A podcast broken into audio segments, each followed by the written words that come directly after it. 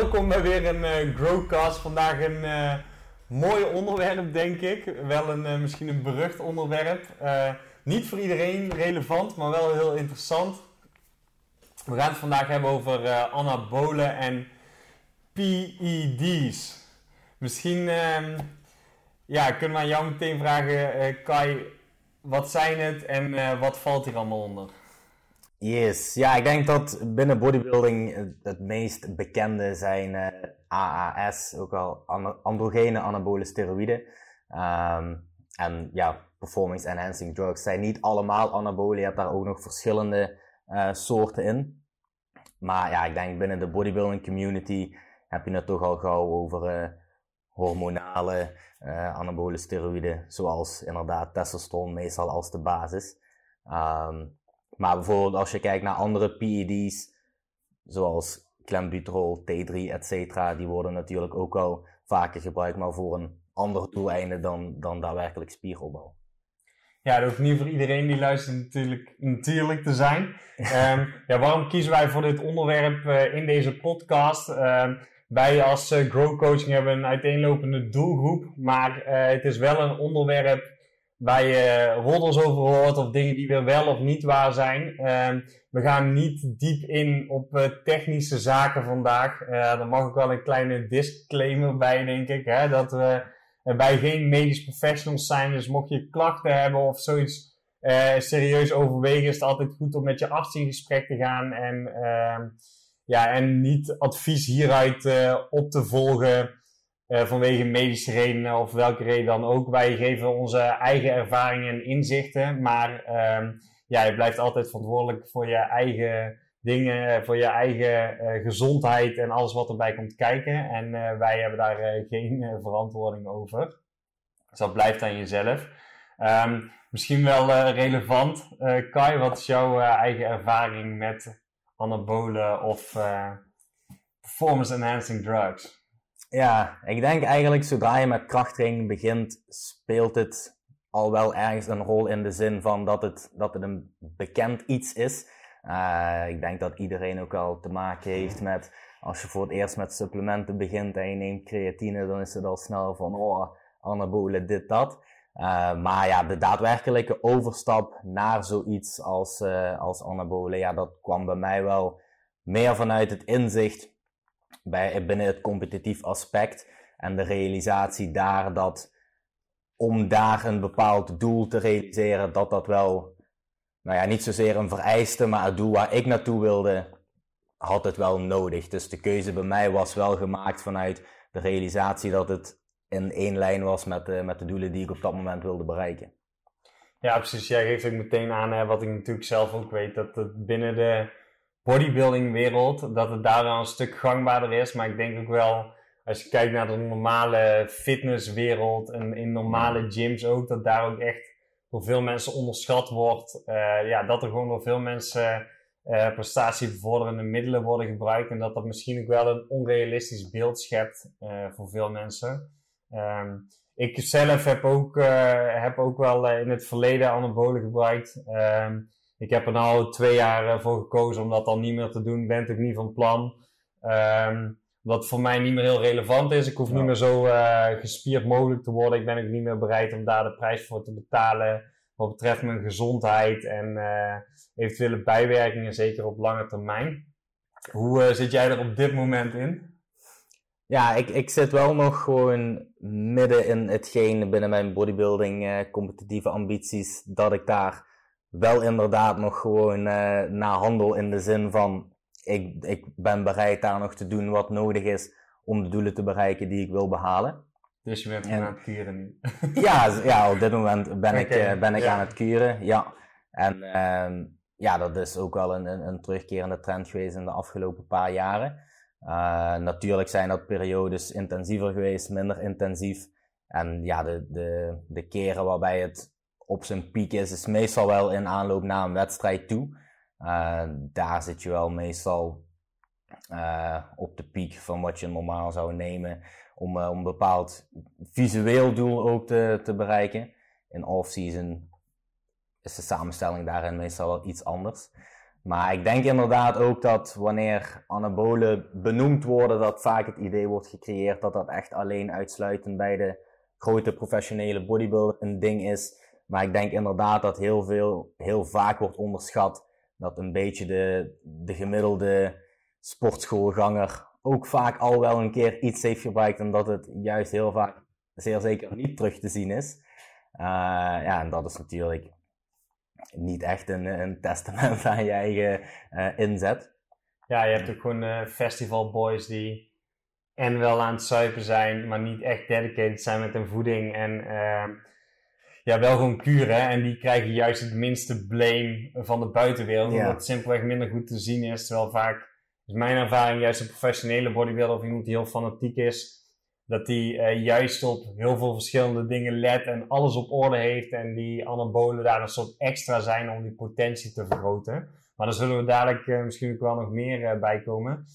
Um, als we kijken naar anabolen of misschien zelfs wel alle prestatiebevorderende middelen, um, kun jij misschien een kleine samenvatting geven voor de luisteraar van wat is er allemaal? Wat zijn een beetje de verschillen tussen verschillende anabolen of uh, prestatiebevorderende middelen? Ja, ik denk dat als je in de positie bent dat je overweegt om ermee te starten, dat, dat vaak wordt gekeken naar anabolen die in orale vorm te nemen zijn, omdat dat toch vaak wordt gedacht dat dat de wat minder Orale vorm is dus... Uh, ja, tabletjes. Ja, dus dat je gewoon uh, pillen slikt eigenlijk. Ja, ja En dus niet injecteert met een naald. ja. Ehm, ja, dus dat is al een verschil wat we hebben tussen twee dingen. Dus je kan het gewoon met alleen tabletten nemen of met injectie. Ja, en uh, in, in gezond, uh, qua gezondheidsaspect ben je met injecties eigenlijk wel beter af, omdat het wat minder toxisch is op je lever.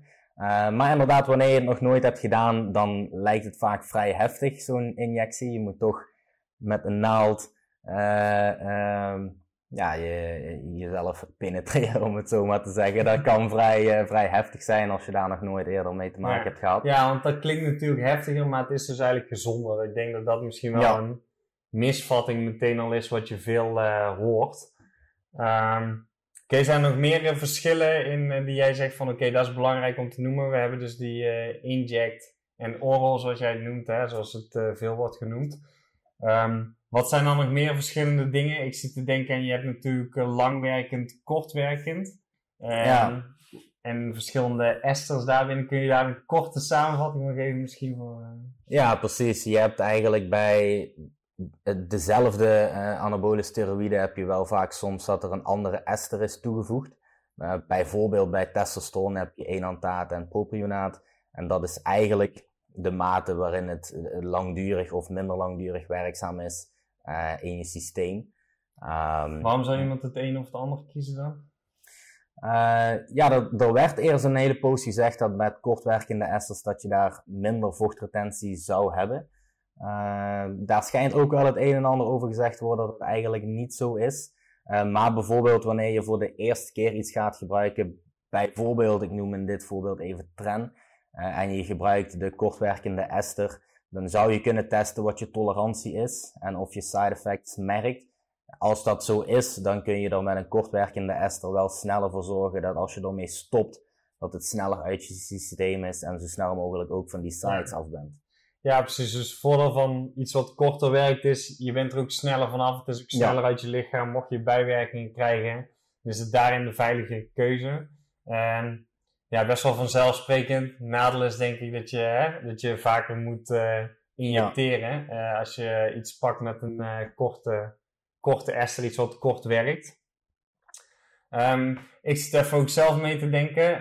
hebben we nog meer verschillen die van belang zijn? De verschillende middelen natuurlijk. Um, ja, als we gewoon heel globaal voor buitenstaanders, mensen die er nog niet zo bekend mee zijn, of mensen die het misschien overwegen, die daar een goede keuze in willen maken voor zichzelf in ieder geval. Um, ja, wat zijn volgens jou de meest gebruikte vier middelen of vijf middelen? En um, ja, wat zijn dan verschillen tussen die verschillende middelen? Waarom zou de een uh, bijvoorbeeld die trend pakken? Of waarom, uh, gaat de ander, uh, waarom gaat de ander test pakken? Ja, precies. Ja, ieder, ieder soort anabole steroïden dient natuurlijk zijn eigen doel.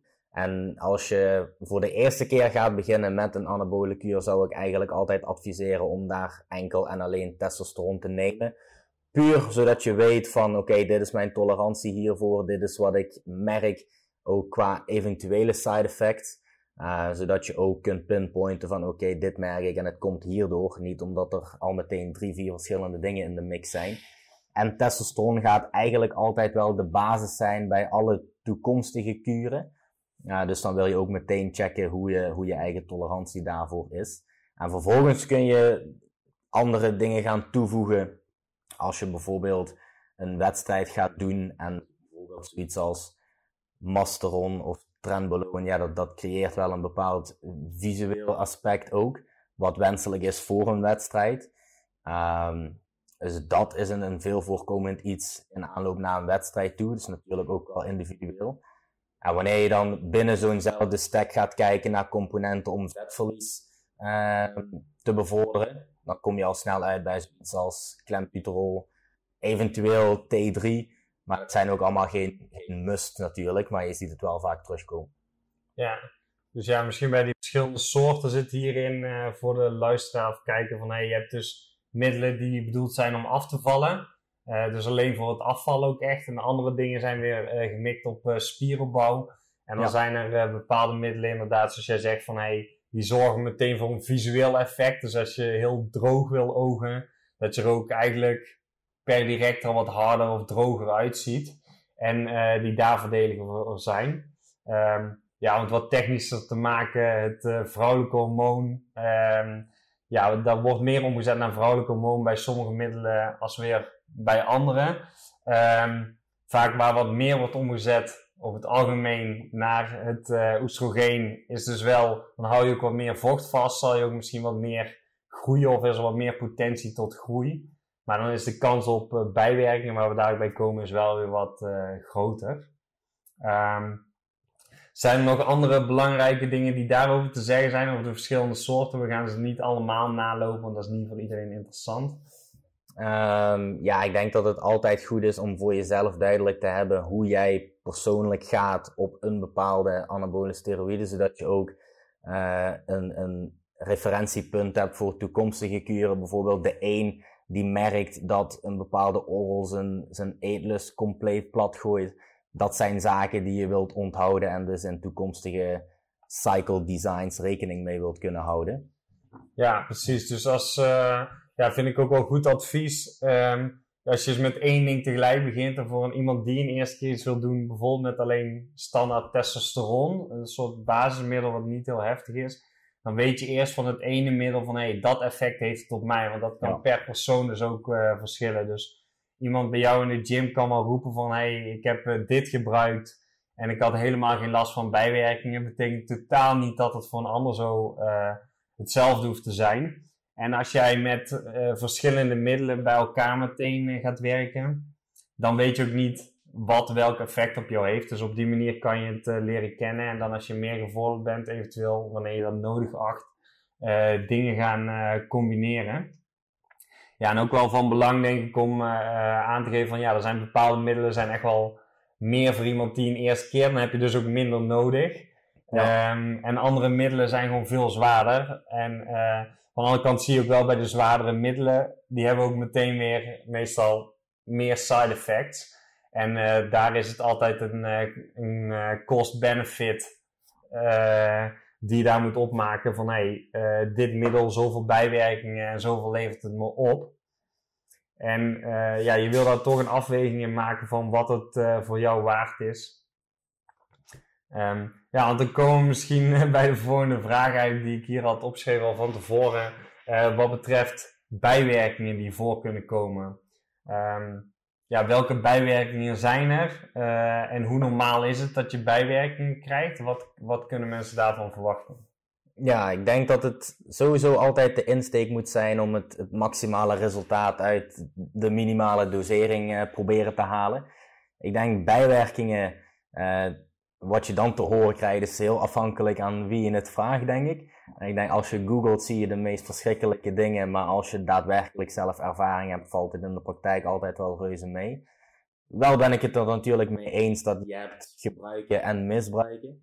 en bij, bij het misbruiken en dan bedoel ik voornamelijk op gewoon absurde doseringen, ja, dan kun je wel tegen bepaalde dingen aanlopen. Um, een van de meest veelgehoorde dingen is natuurlijk uh, roid rage, denk ik. Uh, dus uh, het, idee, ja, het idee dat je helemaal agressief zal worden en oncontroleerbaar door deuren gaat slaan. Heb je daar last van? Nee, ik heb dat nog nooit op die manier ervaren. Ik denk, mijn ervaring met mezelf en ook al de, de mensen die ik begeleid is wel het, het versterkt een beetje wat van nature al, al in jou zit. Dus, ja, als... dus wel de ervaring dat het wel echt invloed heeft. Ja, ik denk, ja, dat ik dat wel kan herkennen. Ik denk wel dat het ook vaak, uh, ik weet niet hoe jij het ziet hoor, maar dat het ook als soort van excuus wordt gebruikt. Ja, Van hey, als je dan agressief bent, uh, oh ja, het lag daaraan, maar dat is natuurlijk bullshit. Je bent nog steeds wel jezelf. Het is niet op, dat je ja. jezelf niet in de hand hebt. Tenminste, zo heb ik het voor mezelf ervaren toen. En uh, zo hoor ik het ook van de meeste mensen. Maar van dan kan, kan je daar ook niet compleet over oordelen. Misschien heeft, een ander, heeft het bij een ander wel echt die invloed dat hij opeens losgaat. Maar ik vind dat je iemand wel verantwoordelijk moet kunnen houden voor zijn daden. Dus ja, ik, precies. Nee, de verantwoordelijkheid ligt altijd bij jouzelf. En je kan niet alles afschuiven op ja, maar ik ben nou eenmaal dit en dit aan het doen. Ja. Uh, dus ja, korter lontje, uh, wat meer irritatie, dat zou je kunnen ervaren. Ik denk in daadwerkelijke fysieke side effects zou je te maken kunnen krijgen met acne bijvoorbeeld. Uh, ja, dat heeft in de meeste gevallen wel gewoon te maken met ja, schommelende hormoonwaardes natuurlijk, zoals je dat in de puberteit ook uh, zou kunnen ervaren. Um, ja, wat heb je nog meer? Ja, de ontwikkeling van gynecomastie.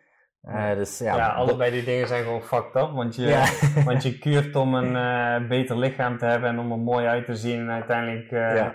kun je puisten krijgen en gynecomastie. Ja, mensen die luisteren zullen het misschien niet weten, maar is, ehm, ja, is eigenlijk vorming van weefsel achter je tepel, waardoor je borst er eigenlijk raar uitziet. ja. Um, ja, en als je dat eenmaal hebt gehad, dan um, ja, vaak trekt het ook niet meer echt weg. Dus dan zul je eraan moeten laten opereren. En uh, ja, dan ben je er wel vanaf. Alleen uh, het is natuurlijk wel een heel uh, gedoe. Ja. En ja, het is precies niet wat je wil. En dat heeft ook weer te maken met die uh, vrouwelijke hormonen waarnaar bepaalde anabolen kunnen, ja, naar kunnen omzetten.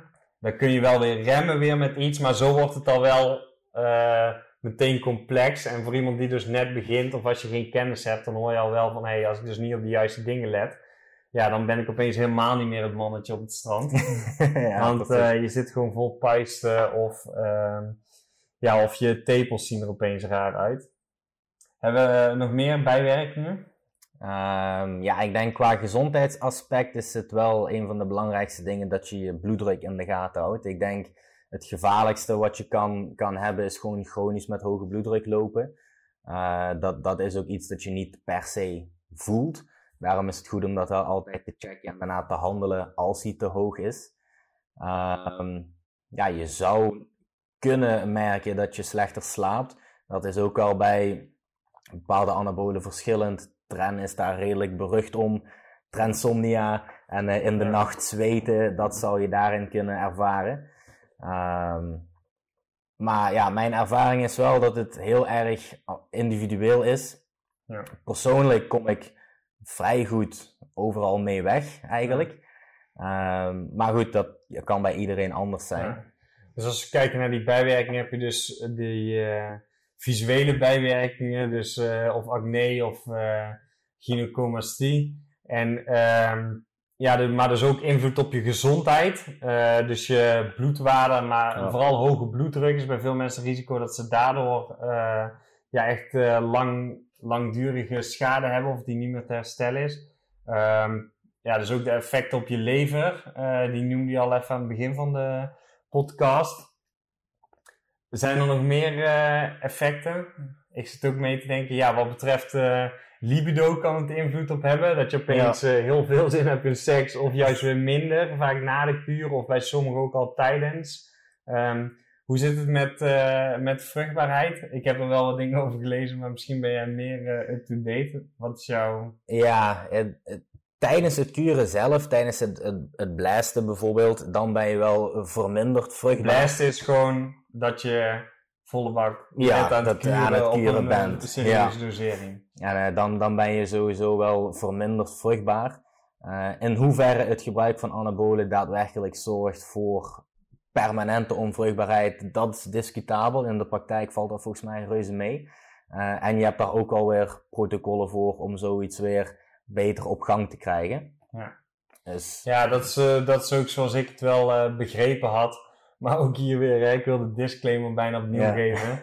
Ehm, ja, zoals ik het heb begrepen, eh, en ook mijn praktijkervaring, dat ik echt wel jongens ken die veel gekuurd hebben en dan alsnog per ongeluk iemand zwanger maakten. Of zelfs tijdens het kuren een eh, zwangerschap veroorzaakt hebben op een of andere manier. En, ehm, maar dat het dus wel zo is dat je eh, sperm count, dus hoeveel sperma je aanmaakt, wel verminderd Ja. wordt eh, naarmate je langer kuurt of vaker kuurt. En dus, dus als je dus al slecht sperma hebt of weinig, dat het wel net dat tikje kan zijn, waardoor je daadwerkelijk geen kinderen kan krijgen. Dus het is wel iets wat echt relevant is. Maar in de praktijk komen de meeste mensen er goed mee weg. Ik denk dat we het zo nog wel goed verwoord hebben. Ja, precies. En ik denk dat dat inderdaad met veel zaken zo is. Als je al een genetische aanleg ergens voor hebt, hebt dan Ja. eh, is, heeft de anabole wel de Ja. potentie om dat te versterken. Zo ook bijvoorbeeld het het haarverlies. Ja. ja, precies. Ja, dus dat versterkt het. Ik vind het wel goed om daarbij te zeggen, bij die bijwerkingen. ehm, je hebt altijd bijwerkingen, maar voor de meeste onder normale doseringen en dus niet constant maar kuren en steeds meer, ehm, is dat binnen hetgene wat ze bereid zijn om eh, aan schade te lijden ervoor. En ehm, ja, zal het niet voor die blijvende schade eh, zorgen. Echter, het zorgt wel altijd voor schade. Dus het, he- het kost je gewoon altijd wel Ja. ergens eh, levensjaren. Maar je kunt dat, of levensmaanden misschien, als je het echt minimaliseert. Alleen, er zijn altijd bijwerkingen. Dus je kiest altijd voor eh, je uiterlijk of eh, ja, iets wat je gewoon vet vindt en passie voor hebt, boven je gezondheid. Dus je kiest wel voor de korte termijn ten opzichte van de lange termijn. Ja, precies. Ik denk inderdaad dat, dat het wishful thinking is en ook gewoon naïef om te denken dat het, dat het helemaal geen negatieve gevolgen heeft. Eh, dat heeft het natuurlijk wel, maar je kan wel je best doen en je verantwoordelijkheid nemen om dat te minimaliseren. Yes. Ja, ik eh, zit ook even naar de tijd kijken. We zijn al best een flinke podcast eh, op aan het nemen. Misschien moeten we als luisteraars, kijkers het interessant vinden, gaan we gewoon ja, nog een uitbreiding van deze podcast nog een volgende keer doen. Ik ben wel nog benieuwd. Ehm, ja, als jij nou een. ehm, ja, wat had je willen weten voordat jij eh, de eerste keer anabolen had gebruikt? Dat waren dan een aantal dingen die de luisteraar of diegene die aan het overwegen is en daarin twijfelt. Wat moet diegene weten? Ehm, nou, terugkijkend op hoe mijn eerste paar kuren eruit zagen, eh, vind ik dat nu vrij hoge doseringen. Eh, dus de doseringen die ik nu zou hanteren, zeker voor iemand die voor de eerste keer eh, gaat beginnen, zouden wel een stuk lager zijn. Om zo ook te kunnen realiseren dat je echt eh, het maximale uit het minimale kunt halen en daarmee ook het een wat duurzamer proces maakt. Want inderdaad, als je al hoog begint, en vanuit daar wil je eigenlijk telkens alleen maar meer gaan nemen. Ja, dan dat is een slippery slope natuurlijk. Ja. Dus ja, normale, verstandige, ja, gezond, dat is het woord kun je eigenlijk niet gebruiken. Maar eh, ja, verstandige doseringen hanteren. Ja, dus eh, lage doseringen en zoals we eigenlijk al zeiden, misschien maar één middel. ja. En eh, ja, daar wil ik misschien nog wel aan toevoegen. Maak überhaupt de hele afweging echt goed. Want de Ja, meeste dat is altijd, denken ja. er niet eens echt goed over na. En ik ben niet per se tegenstander of voorstander. Maar er zijn heel veel overwegingen om te maken. Dus besluit dan niet van de een op de andere dag. Schrijf, het, schrijf alles uit. En als je aan de slag gaat, doe, doe het op een eh, zo verantwoord mogelijke wijze. Ehm, daar gaan we misschien een volgende pod- podcast over verder. Ehm, wat betreft bloedwaardetesten of misschien of hoe je, als je het doet, dan eh, waar je op moet letten. En hoe je je schade ook eh, kan beperken. ja, Ehm, precies. ja, ik denk dat mijn toevoeging daar ook al mee compleet is. Denk er gewoon echt goed over na. En bijvoorbeeld ook op fitnessvlak, ja, je wil progressie blijven boeken. Het gaat dan opeens heel erg hard. Dus kijk dat je eerst echt een heel stuk richting je natuurlijke potentie zit. Dus dat je je voeding goed aan het doen bent. Dat je progressieve overload aan het toepassen bent. Dat je een goed programma hebt. Dat je dat een aantal jaren consistent aan het doen bent. In combinatie met goede slaap. Want eigenlijk dan ben je pas op een bepaald punt dat je ook iets nodig hebt om die potentie te vergroten. Ja, precies. Ik denk dat het gebruik van anabole steroïden altijd enkel en alleen een toevoeging zou moeten zijn op alle dingen die je al zo goed als perfect doet. Dus wat je ook vaak hoort is, als ik ga kuren, dan ga ik echt goed eten, dan ga ik echt goed trainen, maar die dingen moet je gewoon al jarenlang goed aan het doen zijn. Ja, mee eens. Ik denk dat dat ook een mooie is om uh, mee af te sluiten. Als we luisteraars hebben die vragen hebben uh, over dit onderwerp, dan kunnen we ook mooi bij een volgende podcast dat wij uh, over dit onderwerp doen, die daaraan toevoegen, samen met de andere zaken die we net al benoemden. In ieder geval, thanks Kai. En jullie bedankt voor het luisteren. En hopelijk tot een volgende aflevering ook weer.